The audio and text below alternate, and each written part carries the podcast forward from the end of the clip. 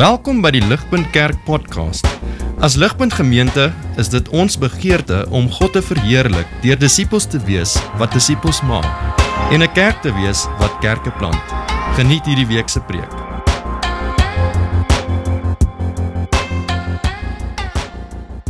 Die groot idee agter hierdie reeks is dat ons moet ons moet verbeel verbeel die die kerk is is 'n liggaam, hy is, maar hy's 'n liggaam wat in 'n hospitaalbed lê. En al die masjiene is gekoppel aan hierdie liggaam en doen 'n klomp toetse op hierdie liggaam. En jy jy hoor die piep piep en al die toetse en al die masjiene wys vir ons wat gaan aan in in die liggaam van die kerk. OK. En soos wat ons kyk na al die al die tekens van lewe, sien ons weet is die hartklop te hoog of te laag? Is daar genoeg suurstof in die, in hierdie in hierdie bloedstroom ensovoorts ensovoorts? Is is hierdie tekens van lewe tekens van 'n gesonde liggaam of 'n ongesonde liggaam? En so dis maar waar die reeks gaan. Ons wil deur die kenmerke gaan van 'n gesonde kerk hoofsaaklik om om onsself te toets as kerk, om ons om ons harte weer te align met wat God verwag van ons. Ek het ons uh, laasweek eintlik maar uh, twee weke terug afgeskop maar uit, uit laasweek begin met die eerste kenmerk van 'n 'n gesonde geloofsgemeenskap. En, en hy het gepraat van woordgesentreerdheid soos wat ons saam ontmoet as kerk, soos wat ons saam ontmoet. En en so ek wil vanoggend eintlik optel waar Poen ons laasweek gelos het en ek ek wil praat oor ehm um, die feit dat die woord nie net sentraal moet wees ehm um, in 'n gesonde kerk wanneer ons saamkom nie, maar ook wanneer ons nie saamkom nie. Ek wil praat oor woordgesentreerdheid in ons as individue soos wat ons hier uitgaan en die res van ons weke uitlewe vir Jesus. So woordgesentreerdheid vir die individu. En vir dit gaan ons kyk na Psalm 1. En so kyk na julle blaadjies. Uh, ek gaan vir ons bid en dan gaan ons daai woord oopmaak en kyk na woordgesentreerdheid vir die individu. Kom ons kom ons bid net weer saam. Ons kan nooit genoeg bid vir God se woord nie. Uh, Almagtige God, dankie vir u woord. Uh, my gebed is dat dat ons werklik opnuut sal sien dat u woord werklik meer kosbaar is as goud en dat dit soeter is as honing. Kom doen daai werk in ons harte. Kom en kom en maak ons harte oop en ontmoet ons elkeen waar ons is. Vader, u het 'n woord wat u vir ons wil gee vanoggend. Mag ons dit hoor. Heilige Gees, kom maak ons harte oop dat ons u woord kan hoor. Ons bid dit in Jesus naam alleen. Amen. So as julle saam my volg uh, uh, in julle blaadjies en dis belangrik, hou asseblief die blaadjies by julle. Gaan julle sal julle sien. Um Psalm 1 begin blessed is the man. Blessed is the man. Maar nie soos in die man manlik nie, soos in man mens, mensdom. Gelukkig is die mens. Dis wat ander vertalings sê. Gelukkig is die mens, bevredig is die mens. In die in die Hebreëus kommunikeer blessed geseentheid, holistiese geseentheid. Dit kommunikeer die gelukkige een, die die die mens van welvaart. Dit is dit kommunikeer die persoon waar alles in die persoon se lewe is op sy regte plek. Daar's nie daar's nie iets buite plek of 'n wanorde in sy hart of in sy lewe nie. Alles is presies soos wat dit moet wees. Dis die geseënde mens. Hierdie beskryf ware en diep geluk. En en soos wat ons net daai drie eerste drie woorde lees van Psalm 1, wil ek wil ek julle vra, is hierdie nie tog is hierdie nie tog waarvoor ons almal soek nie? Is hierdie nie tog waarvoor ons almal soek nie? Die storie van ons lewens is 'n soektog. Nie net een soektog nie, soektog na soektog vir werklike geluk. Vir holistiese welfaart. So wat ons soek. En en soos wat jy ouer word, soos wat jy deur die lewe gaan, besef jy, "Ag, oh, ek is nou gelukkig." Nee, ek is nie. En dan kom ons probeer hierdie nee, dit maak my nie so gelukkig soos wat ek gedink het nie. En en so gaan jy deur die lewe, soek tog nog soek tog en elke keer dink jy as ek net daar kan uitkom, dan gaan ek gelukkig wees. En en so ons harte het hierdie diep uh, begeerte vir geluk, maar hierdie is hoe geluk is vir ons. Ek ek, ek weet nie of julle al ehm um, ooit 'n blik koekies probeer bykom het bo in 'n kas nie. Weet jy, jy staan by die kas en en jy strek en jy voel die blikkoekies wat jou gaan gelukkig maak, nê? Jy voel die blikkoekies en jy voel dit so by jou vingerpunte en jy dink, "Jesus, ek het hom." En dan staan jy op jou tone en jy gryp en soos jy hom gryp, pff, druk jy hom dieper in die kas in en hy's weg. Dit is dit is hoe geluk voel vir ons, soos wat ons deur die lewe gaan. Jy dink net net jy het dit en dan gly dit uit jou vingers uit. En dis dis eintlik baie uitputtend. Dis ook uitputtend want ons kultuur die lewe wat ons lewe, lewe die stemme wat ons hoor, elke advertensie, elke Instagram post probeer geluk aan ons verkoop. Almal probeer bewys hulle is gelukkig en so almal wil altyd perfek lyk like, en so die subtiele boodskap wat ons dag in en dag uit hoor is geluk is moontlik. Kyk, hulle het dit. Hulle het dit. As ek en my familie daai daai bokspap koop, dalk gaan ons ook smile soos daai koppel. Dit dis subtiel, maar dis wat ons dink. Ons ons eet dit op en en ons dink geluk is moontlik as ek net daai kar het, daai werk het, daai pay kan kry, wat ook al. Maar dit gly heeltyd uit ons vingers uit. Maar nie so met Psalm 1 nie. Kyk Psalm 1 begin gelukkig is die mens. Geseend is hierdie mens want Psalm 1 gaan vir ons die pad wys na ware geluk toe. Psalm Psalm 1 sê ja, weet jy wat? Geluk is moontlik, maar hier is hoe dit lyk. Dit is nie waar jy dink dit lê nie. Psalm 1 sê geluk is nie waar jy dink dit lê nie. Kortliks as ek dit kan opsom vir almal wat net nou aan die slaap gaan raak. As ek dit kan opsom, hierdie is wat Psalm 1 sê. Ware geluk lê by die woordgesentreerde individu. Ware geluk lê by die woordgesentreerde individu. So kom ons kom ons pak hierdie uit. As jy op julle blaadjies kyk, gaan julle sien dat Psalm 1 is 'n baie eenvoudige, ryk Psalm. Dis eintlik baie eenvoudig. Ons net 6 verse en direk na ons lees van die geseënde mens, direk na dit leer kry ons twee paadjies voor ons. Die Psalm gee vir ons twee opsies. Uh, in vers 1 sê dit geseënd is die mens wat nie hierdie eerste paadjie volg nie. OK? Hy doen nie hierdie nie, paadjie 1. Maar dan sal jy sien in vers 2 gaan dit aan, maar die geseënde mens doen wel hierdie, vers 2. Twee paadjies. Net een van hulle is die geseënde paadjie. Dan in vers 3 tot 6 pak dit nog dieper uit. Dit sê okay, hier is die twee paadjies, dan sien ons twee bestemmings. Okay? Gebaseer op die paadjie wat jy kies, gaan daai paadjie jou ergens heen vat. Dit gaan jou lei na 'n plek toe. Okay? En jy gaan sien vers 3 tot 6 pak twee bestemmings uit. Die die eerste paadjie is die paadjie waar jy gaan opeindig soos 'n boom by by strome water. Maar die ander paadjie gaan jou lei ook na 'n bestemming toe waar jy so skaf is. Jy, jy word heen en weer gewaai met 'n lewe vol leemte. En so dis dis die Psalm. Dis baie eenvoudig. En, en so kom ons pak dit uit. Ek dink die beste manier om dit uit te pak is net so om so daarna te kyk. Twee paadjies, punt 1 en twee bestemmings. Twee paadjies en twee bestemmings. So kom ons kyk na die na daai eerste twee paadjies wat ek nou net oor gepraat het, okay? So die geseënde een doen nie hierdie nie. He does not walk in the counsel of the wicked, nor stands in the way of sinners, nor sits in the seat of scoffers.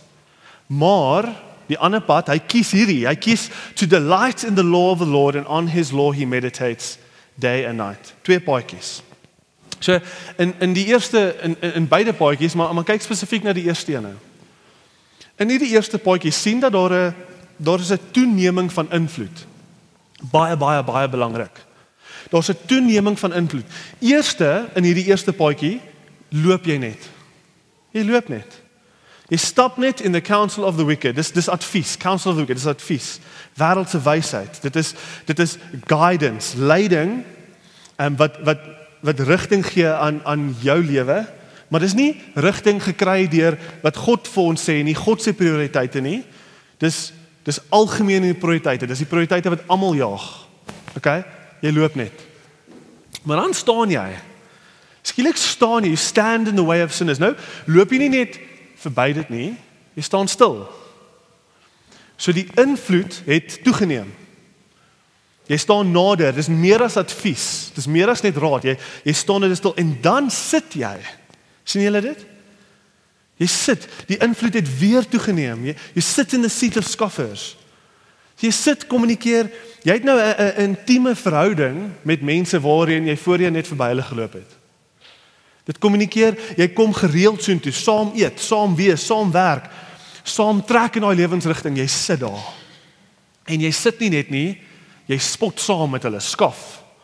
Jy jy spot saam met daai mense. Jy's jy's deel van die crowd, jy's jy's in die in crowd, jy's deel van die crew.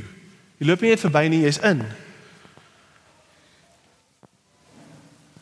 Ek het um, reeds daaraan geraak, maar presies wat is dit wat wat meer en meer invloed kry, soos wat ek verbyloop, staan en sit. Wat kry 'n groter invloed? Daai daai drie daai drie beskrywings, nê? Nee? Daai drie beskrywings, die raad van die goddeloses, die weg van sondaars en die sitplek van spotters, nê? Nee, daai drie is eintlik poëties dieselfde ding. Dis dieselfde ding. In beide in beide Ou en Nuwe Testament verwys dit na 'n die algemene uitkyk van 'n ongelowige wêreld. OK? Die die manier hoe die ongelowige wêreld kyk na die wêreld en hoe hulle dan hulle lewens inrig om suksesvol te wees in die wêreld. OK, dis waarna dis waarna daai drie goeders verwys. Hulle hulle stap 'n pad. Die die kultuur sê vir jou hierdie is waar geluk lê. Volg volg daai pad. In in Jesus se woorde is is dit die die breë pad. Jy weet Jesus sê breed is die pad, wide is the gate and broad is the way that leads to destruction. And many are those who who enter by it, né? Dis dit is wat hierdie beskryf. Nou, hierdie pad behoort vir ons nogals obvious te wees. Ek dink so ek ek dink nie ons hoef te raai hoe hierdie lyk in ons lewens nie. Die die kultuur sê vir ons elke dag sonder skaamte wat hierdie pad is. Uh, loud and proud. Die lewe om te lewe, die goeie lewe is wat ander van my dink.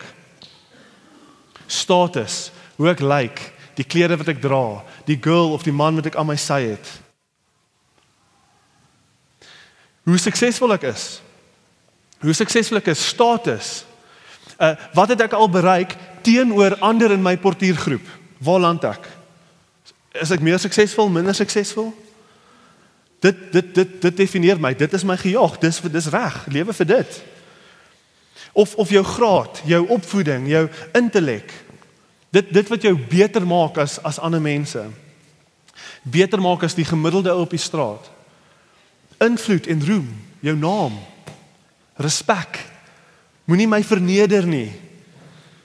En natuurlik die obvious een, die afgod van geld. Materialisme. Gemak. Die gejaag na 'n 'n beter lewe toe hier en nou.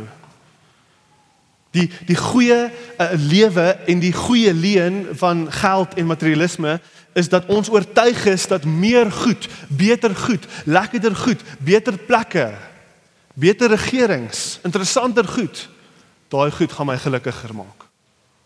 Dit is waar geluk lê. En en weer eens ek ek wil dit duidelik maak. Nie een van hierdie goed is sleg in hulle self nie. Maar dit is bitter sleg om jou die die punt van jou lewe te maak om hierdie goed na te jaag. Om om om die paadjie waarop jy is te sê dit is ek jaag agter hierdie dinge aan. Dit dit is bitter sleg. En en so dis eintlik maar die eerste pad. Die die eerste pad is 'n toenemende invloed in die kultuurstelsels wat elke dag sê hierdie is waar geluk lê. Hierdie is waar geluk lê. En so dit bring ons na die na die tweede opsie toe. So die geseënde kies nie daai pad nie. Die geseënde kies hierdie pad. To delight in the law of the Lord vers 2 and on his word, on his law he, he meditates day and night.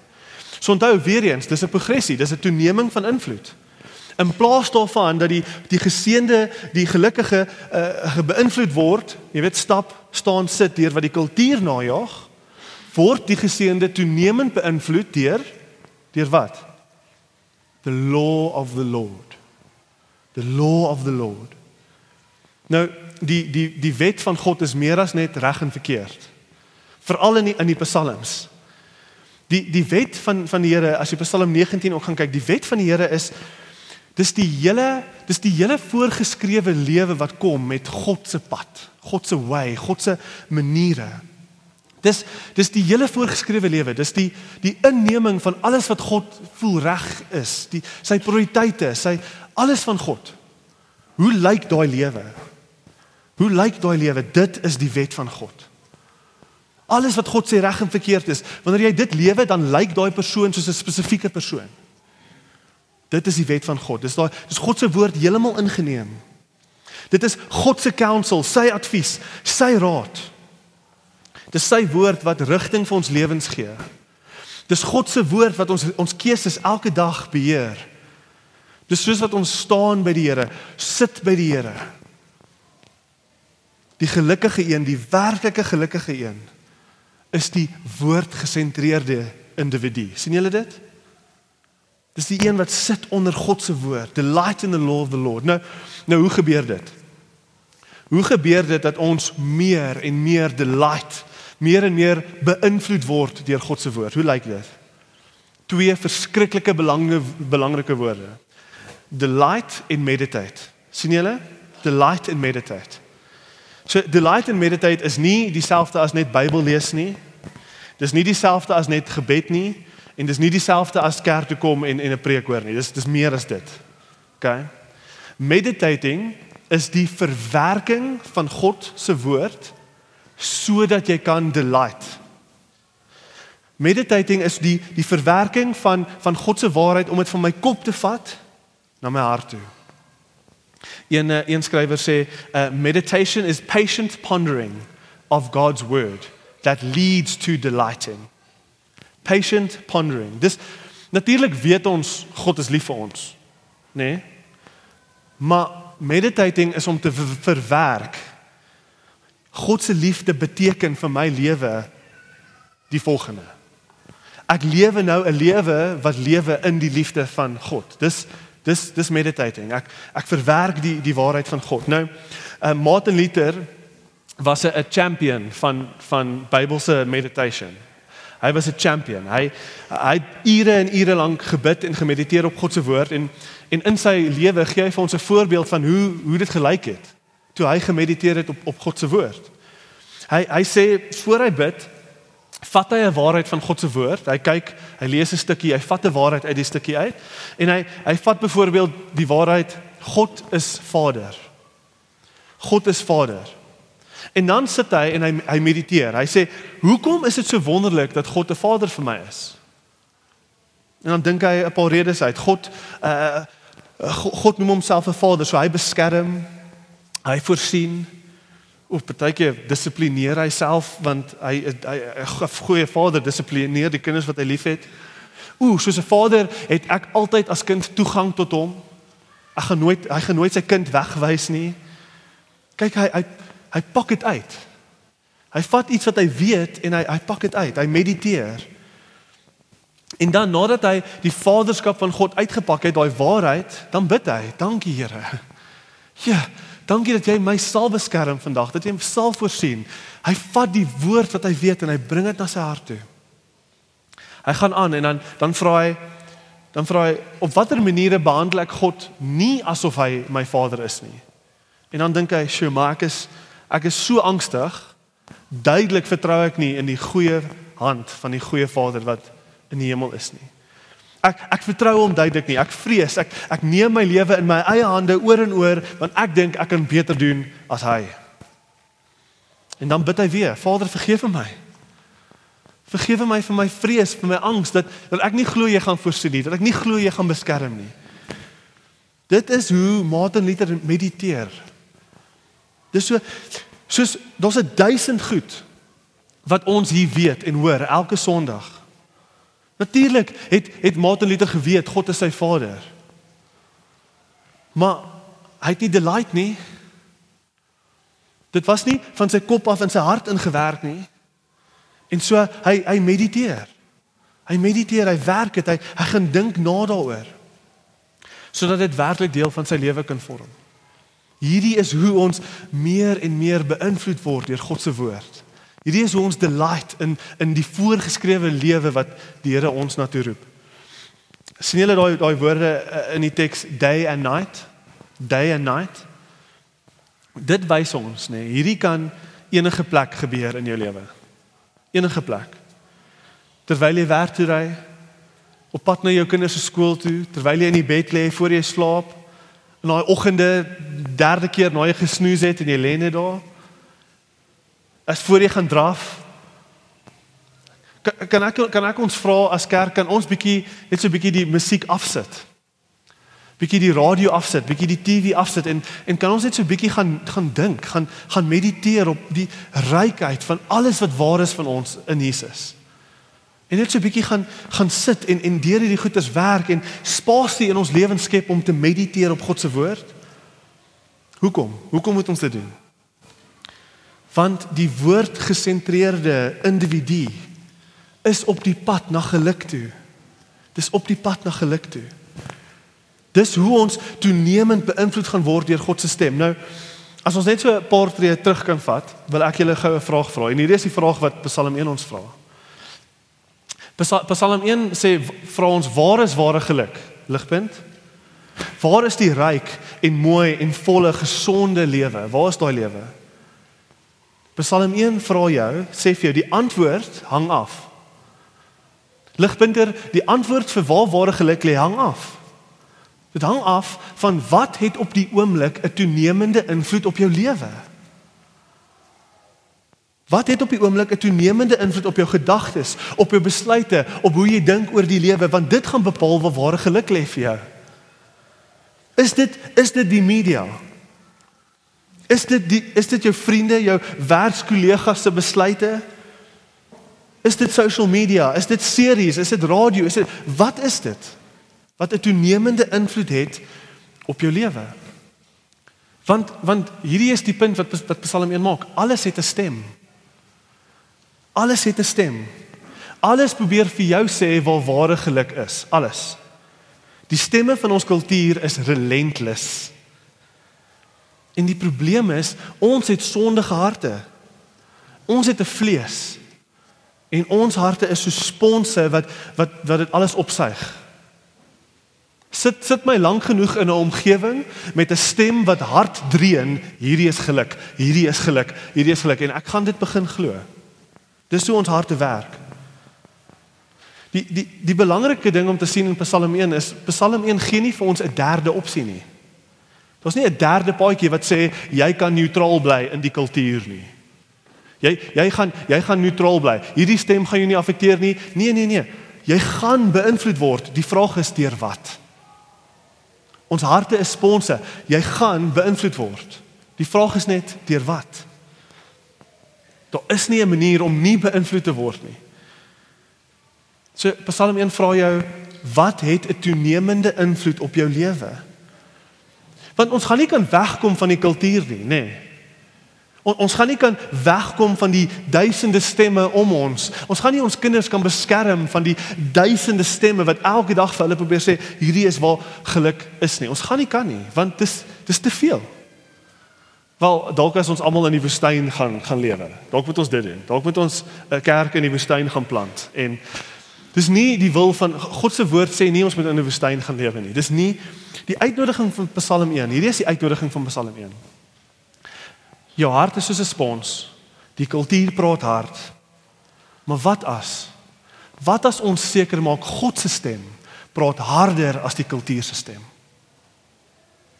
Wat as ons onsself toewy om meer beïnvloed te word deur God se woord as wat ons toelaat dat die kultuur se stemme oor en oor harder dreun in ons lewens? Wat as ons onsself toewy om seker te maak God se woord het 'n beheerende invloed in ons lewens. Ligpunt. Wat help dit? Ons is 'n woordgesentreerde kerk. En ons kom elke week vir 'n uur kerk toe om te luister na 'n woordgesentreerde preek. Maar dan gaan ons huis toe. En ons doen wat ook al ons wil in die week. En ons lewe wat ook al ander lewe ons wil lewe in die week. Wat help dit? Dis nie 'n gesonde kerk nie. 'n Gesonde kerk is 'n woordgesentreerde kerk vol van woord woordgesentreerde individue wat hulle self toewy om meer en meer beïnvloed te word deur God se woord. Nou, die challenge hier is iets wat ek en my vrou nogals soos 'n hart gevoel het want ehm um, so 'n paar maande terug het ons ehm um, Disney Plus gekry. Disney, weet julle wat Disney Plus is? Dis soos 'n dis is 'n nuwe Netflix streaming service vir baie flieks en en en so. En en toe dink ek vir myself, "Sjoe, ek ek het nou net Psalm 1 ehm um, God se woord met my beïnvloed en hier is Disney Plus." OK. Sê nou ek spandeer 20 ure op Disney Plus 'n uh, week. So, Johan, dis nogals baie. Wel, die gemiddelde persoon spandeer 4 ure 'n dag op een of ander streaming service, nê? Nee? So, dis bietjie minder as as die gemiddeld, maar 4 20 ure 'n week is, is is baie. So sê nou ek spandeer 20 ure 'n week op Disney Plus, okay? Dit is 20 ure. In daai een blok van my week, 20 ure wat die kultuur vir my sê hier is geluk. Jy weet Disney volg jou hart. Wat ook al jou hart voel, dis waar geluk is. Dis 20 ure van Disney wat vir my sê hierdie is hoe verhoudings moet lyk, hierdie is hoe paas moet wees, hierdie is hoe ma's moet wees, hierdie is hoe kinders moet wees. Dis 20 ure van die kultuur wat hulle wêreldsiening subtiel op jou op jou lewe ehm um, afforceer. En ons weet dit nie, maar dis 'n stem. Psalm 1 sê, Psalm 1 sê as ek 20 ure op Disney Plus spandeer, En ek wil werklik hê die stem van die Here moet harder praat as die stem van die kultuur. Dan sê Psalm 1, ek moet ten minste 21 ure hierdie week spandeer in God se woord. Ten minste. Ek moet ten minste 21 ure toewy om te mediteer en te reflekteer op God se maniere bo oor en teenoor die werke van die wêreld en die maniere van die wêreld, sodat ek beïnvloed word deur wat? Deur God se stem. En so kan ons gou eerlik wees oor waar ons is. Kan ons gou eerlik wees oor wat wel 'n groter invloed het op ons lewens dag in en dag uit. En kan ons erken dat die stemme van buitekant af gaan rigting gee aan ons lewens. Dit gaan ons lewens beïnvloed. Dit gaan ons besluite beïnvloed. Dit gaan subtiel vir ons sê geluk lê daar. Kan ons eerlik wees oor die feit dat ons ons meer luister, nê, nee, na die vreesbevange stemme van die nuus as wat ons luister na 'n soewereine God van die heelal wat sê ek het alles in beheer. Dit verbaas my nie dat ons almal lewe in soveel angs en vrees elke dag nie. Want wat se stemme luister ons voor? Wat se stemme is dag in en dag uit besig vir ons te sê hierdie is waar geluk lê. Maak jou hemel hier op aarde sien julle hoe kragtig is Psalm 1? Wat beïnvloed jou? Wat het 'n toenemende invloed op jou lewe? Psalm 1 wil wil ons uitnooi om die plek te verstaan van waar God se woord in jou lewe moet wees as individu. Wat is die plek van God se woord in jou lewe? Dis kos. Dis water vir 'n droë droë siel in 'n in 'n gebroke gebroke wêreld. Elke dag wanneer ons kerk toe kom, wanneer ons gesin toe gaan, wanneer ons die woord lees, hoekom doen ons dit? Want ons wil ons wil God se stem hoor. Ons wil gevoed word. En ons moet beklei om om juis hierdie te wees. 'n 'n 'n 'n woordgesentreerde kerk, ja. Maar soveel te meer ook 'n woord woordgesentreerde gesentreerde individu.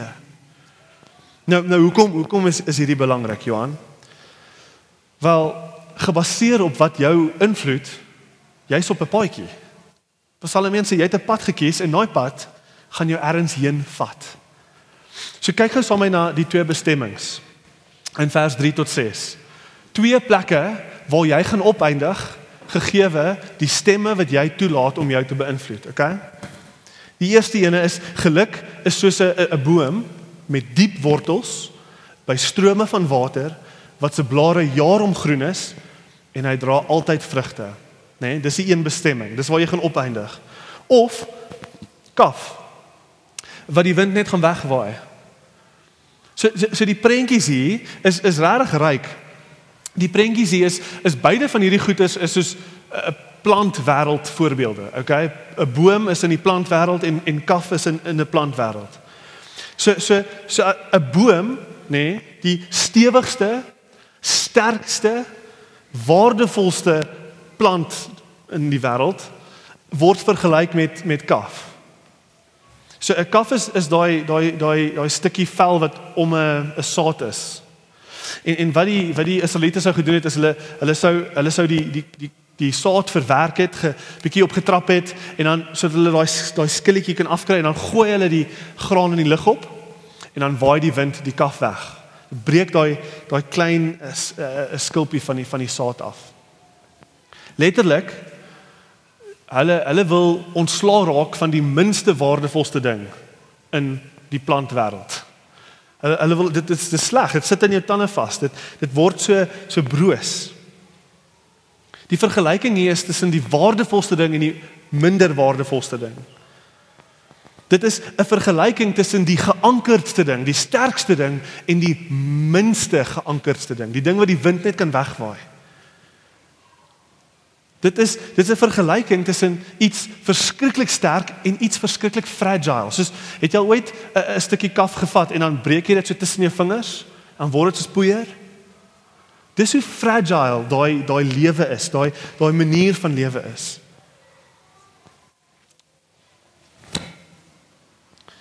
So dis die vergelyking. Dis die twee bestemmings. Die die die boom ontvang sy sy krag diep binne by waterstrome. Droogte kan kom en niks kan hom omwaai nie, maar kaf kan die wind wegwaai of jy kan hom jy kan hom verbreek tussen jou twee vingers.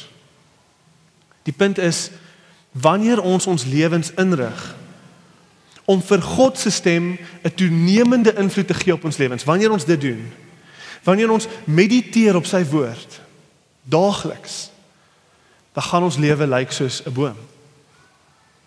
Ons gaan sterker wees, stewiger wees, meer stabiel wees. Ons gaan rigting hê vir ons lewens. Ons gaan nie net gewaai word hier, gewaai word daar nie. Ons gaan lank geplant wees op een plek met rigting, met plan, met mening, met doel.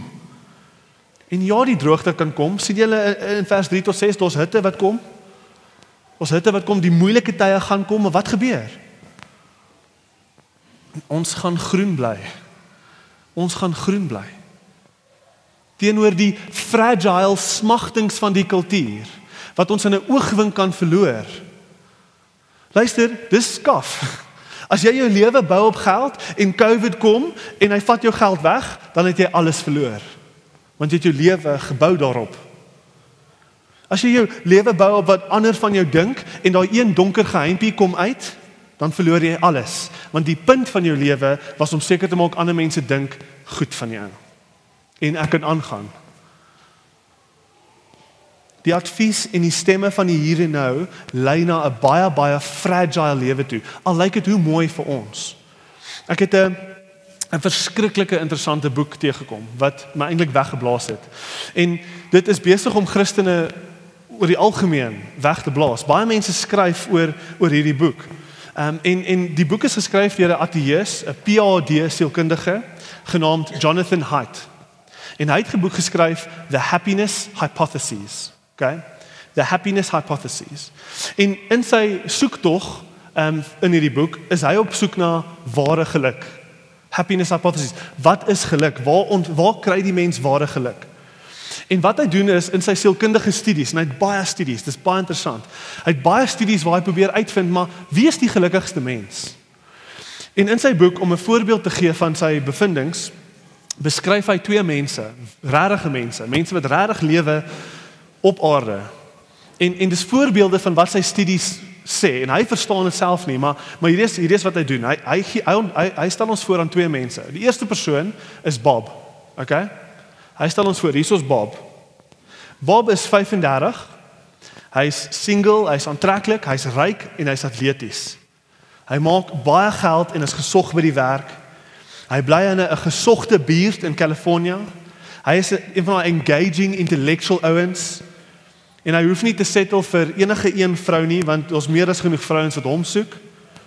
En hy spandeer meeste van sy vrye tyd met allerlei opwindende hobbies en plannetjies En hy ontmoet al hierdie interessante mense by sy gunsteling plek, ehm um, kunsuitstallings. Hy hou van kunsuitstallings. En dis Bob. Dis Bob se lewe hier aan hierdie kant. En dan gaan Jonathan Haidt en hy sê, "Maar kom ek stel julle voor aan aan uh, Mary.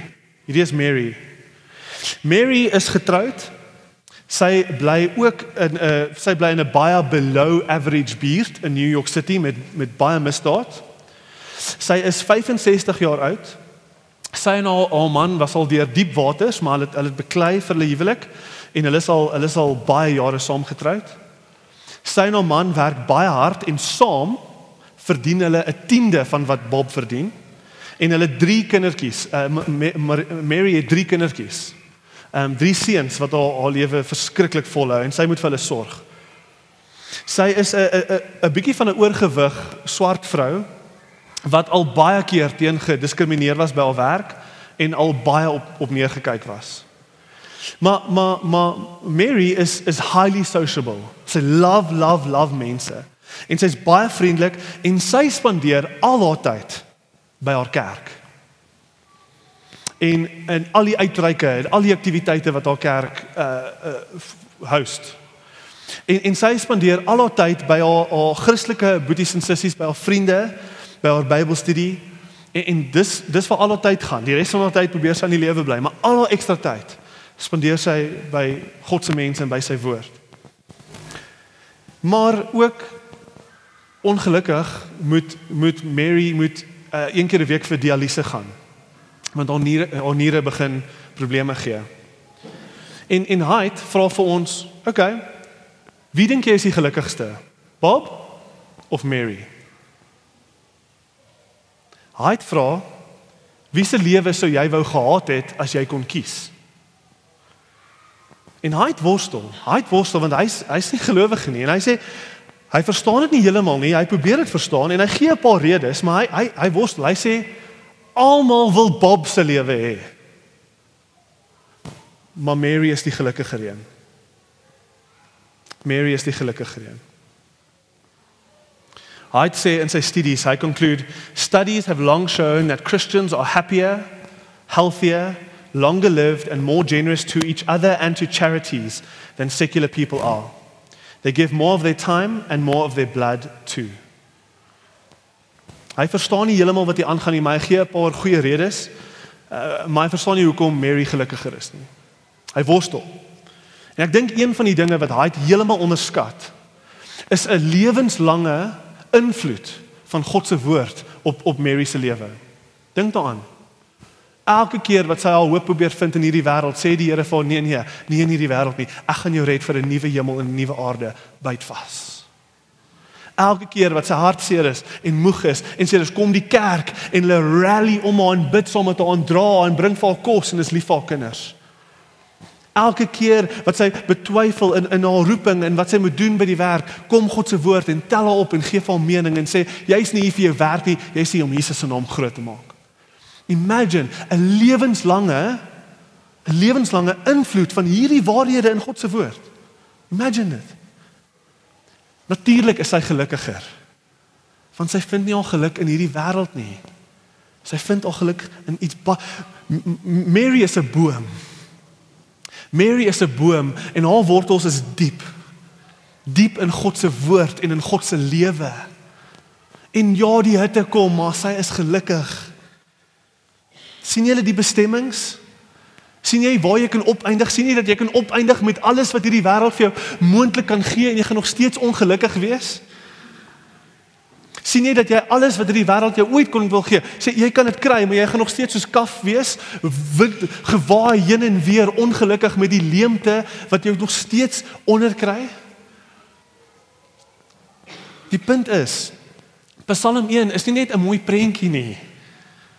Psalm 1 is dis reëel, dis dis nie abstrakt nie, dis nie iets om te hoor nie, dis die die die besluite wat jy maak, die die dinge wat jou beïnvloed, gaan werklike implikasies hê vir waar jy jou geluk gaan vind oor 'n maand.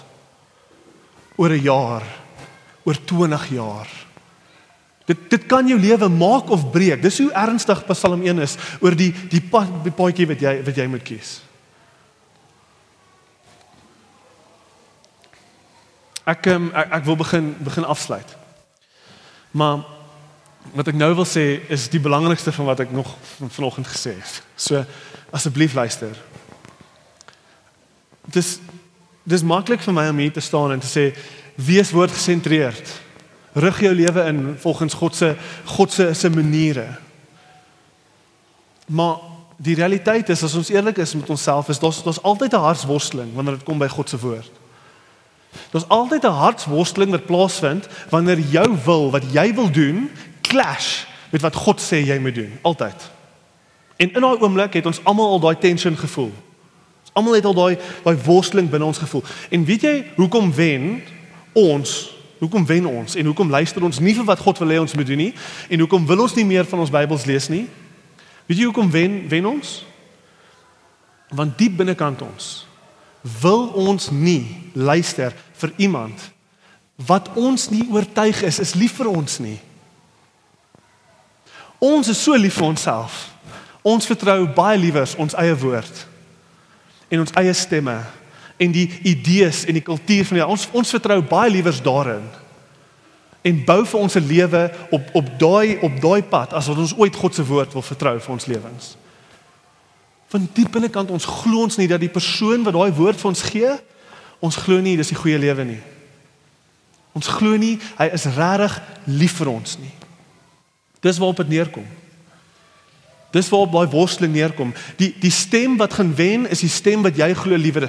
Of jy is liewer vir jouself of jy glo God is liewer vir jou. Of jy glo God gaan vir jou die gelukkige, die goeie lewe gee, want hy is liewer vir jou. En so om ons harte te oortuig van God se liefde, moet ons moet begin by Jesus. Die die woordgesentreerde lewe moet begin by Jesus. Want Jesus is die is die perfekte bewyse van God se liefde vir ons.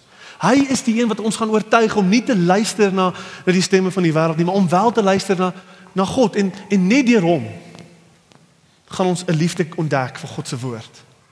Want hy gaan ons hy gaan ons oortuig dat dat hy lief is vir ons. Sien, vanoggend kom Jesus na ons almal toe. Ek weet nie waar julle is vanoggend. Ek weet nie wat in julle harte aangaan nie, maar vanoggend kom Jesus na jou toe en en soos wat Jesus vir die heel eerste disippels gesê het, volg my sê Jesus vir jou volg my. Maar ek het gaan kyk na Matteus 4. Toe Jesus vir Petrus sê volg my, toe moes hy iets laat gaan. Hy moes van sy visserman nette laat gaan. Hy moes sy ou plannetjie, sy ou idee, sy ou oortuiging van waar geluk lê, hy moes laat gaan daarvan. En toe sê Jesus laat gaan. Ek ek gaan jou vissermans maak van mense, kom volg my. Jesus is die vervulling van Psalm 1. Jesus is die woord van God. Die die wet van God, die perfekte manier van lewe. Jesus is dit in die vorm van 'n mens en hy het hier kom lewe in ons midde. Hy het in ons midde kom kom loop en kom lewe. En hy vra ons tot vandag toe, volg my. Volg my. Jesus sê, Jesus sê volg my, ek gaan jou op die regte pad wys. Ek Jesus is die weg en die waarheid. Ek is die goeie lewe. Ek is waar jy ware geluk gaan ontdek. Maar jy moet laat gaan. Jy moet laat gaan van wat ook al jy aan vashou. Die hardste ding wat Jesus vir ons wil sê vanoggend is dat jou lewe is is kaf. Jou lewe is soos daai leë dop van van 'n saad wat rondgewaai word en en jy smag nie hierdie in jou hart op na dit toe en en jy's elke dag op soek na uh, uh, jy het 'n sondige jy's jy's 'n sondige mens op soek na 'n selfsugtige geluk. Dis jou lewe. En Jesus sê, "Hoe werk dit uit vir jou? Is jy gelukkig? Is jy? Nee, jy is nie. Jy kan vir jouself jok en jou lewe kan so mooi lyk soos wat jy dink dit moet lyk. Jy is nie gelukkig nie. Jesus sê ek is strome van lewende water. Ek is die teenoorgestelde van die leë dop wat die wind heen en weer waai. Volg my. Kom na my toe. Ek gaan vir jou wys waar die ware lewe lê. Ek gaan vir jou wys waar die gelukkige lewe lê. En, en en weet jy die die lewe waarna toe die Here jou uitroep is 'n lewe. Dis countercultural. Dis countercultural. Die lewe wat die Here jou na toe lewe is 'n lewe waar jy meer geld gaan weggee as enige een van jou vriende. Dis die lewe. Dis 'n lewe waar jy meer gaan nee sê vir jou pelle en al die lekker dinge en baie meer gaan ja sê vir jou vrou en jou gesin. Dis 'n lewe waar jy gaan toelaat dat die boeties en sissies in jou kerkgemeenskap, jy gaan hulle toelaat om met jou te praat oor jou sondes. Dis 'n lewe waar jy verwerp gaan word deur jou naastes. Hulle gaan sê, "Wat doen jy? Jy's mal." Dis 'n lewe waar jy oor en oor en oor gaan nee sê vir die vleeslike dinge wat die kultuur elke dag om jou najag. Jy weet daai besigheidstrip waar al die mans hulle trouringe afhaal, nê? Nee? Daai tipe goed oor en oor. Jy gaan sê nee, is nie vir my nie. Jy gaan oor en oor uitgenooi word om Jesus te volg waar jy jouself jou tyd en jou lewe gaan gee vir sy kerk en sy kerkfamilie en vir sy woord. Jy gaan 'n lewe lewe waar jy gaan ontdek dat jy 'n nuwe liefde het vir die armes en die weduwees en die weeskinders onder ons. Dis die lewe. Jy sê Johan, dit klink nie lekker nie. Jy sien. Jy sien want die kultuur sê vir ons dis nie waar geluk lê nie. Die kultuur sê vir ons dit kan nie geluk wees nie. Daai paadjie kan nie die beter een wees nie. Jesus sê volg my. Ek is die strome van die ek gaan jou roep na 'n hele nuwe lewe toe. Laat gaan van jou visnette. Laat gaan. Daar's 'n nuwe lewe. En weet jy wat gaan gebeur? Jy gaan hom vertrou, jy gaan jou vertroue in Jesus se hande sit. Jy gaan glo hy het dood gegaan vir jou sondes. Jy's 'n nuwe mens. En stadig maar seker, stadig maar seker gaan jy hierdie nuwe lewe begin lewe, né? Ek hoop so. Jy gaan hierdie lewe begin lewe. En weet jy wat gaan gebeur? Een oggend gaan jy opstaan en jy gaan besef ek het my neef, ek het my lewe neergelê en ek was nog nooit in my lewe so gelukkig nie. My lewe was nog nooit so ryk nie. So meningsvol nie en en so ander gesentreerd nie. Dankie Jesus. Dat jy my gered het uit my selfsugtige lewe uit. Wat ek gejaag is na wind en dat jy my geplant het op die nou pad. Wat min mense volg ja, maar ja, dankie. Ek sou hierdie nooit self gekies het nie. Dankie liewe Jesus. Dat jy my gered het. Jy het my gered uit my selfsugheid. En as ons ooit twyfel, ek sluit af met met Romeine uh, 8 vers 32. As jy ooit twyfel, as jy weer daai worsteling het in jou, nê? Nee, dat wat Jesus van jou verwag is nie die goeie lewe nie. En daar ander stemme kom en hulle wil sê nee nee nee, moenie daarvoor luister nie. As jy ooit twyfel in Jesus se liefde vir jou dat hy nie hy beloof vir jou die goeie lewe. As jy ooit daarin twyfel, hoor die woorde, hoor hierdie belofte van Romeine 8 vers 32. He who did not spare his own son but gave him up for us all, how much will he not also, with him, graciously give us all things? Dis die woordgesentreerde lewe. Dis die woordgesentreerde lewe. Dis die gelukkige lewe. Dit begin by Jesus. En dit is 'n toegewy aan God se woord. Kom ons bid saam.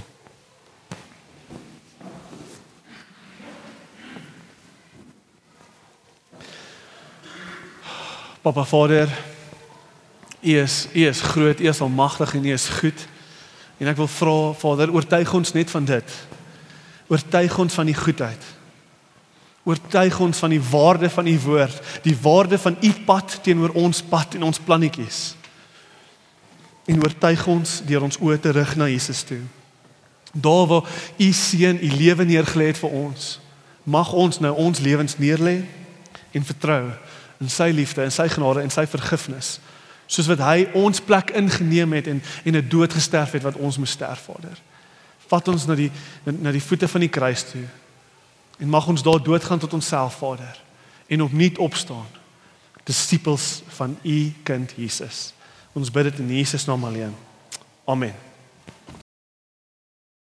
Vir meer inligting oor Ligpunt Kerk, besoek gerus ons webwerf op www.ligpunt.com of kontak ons gerus by info@ligpunt.com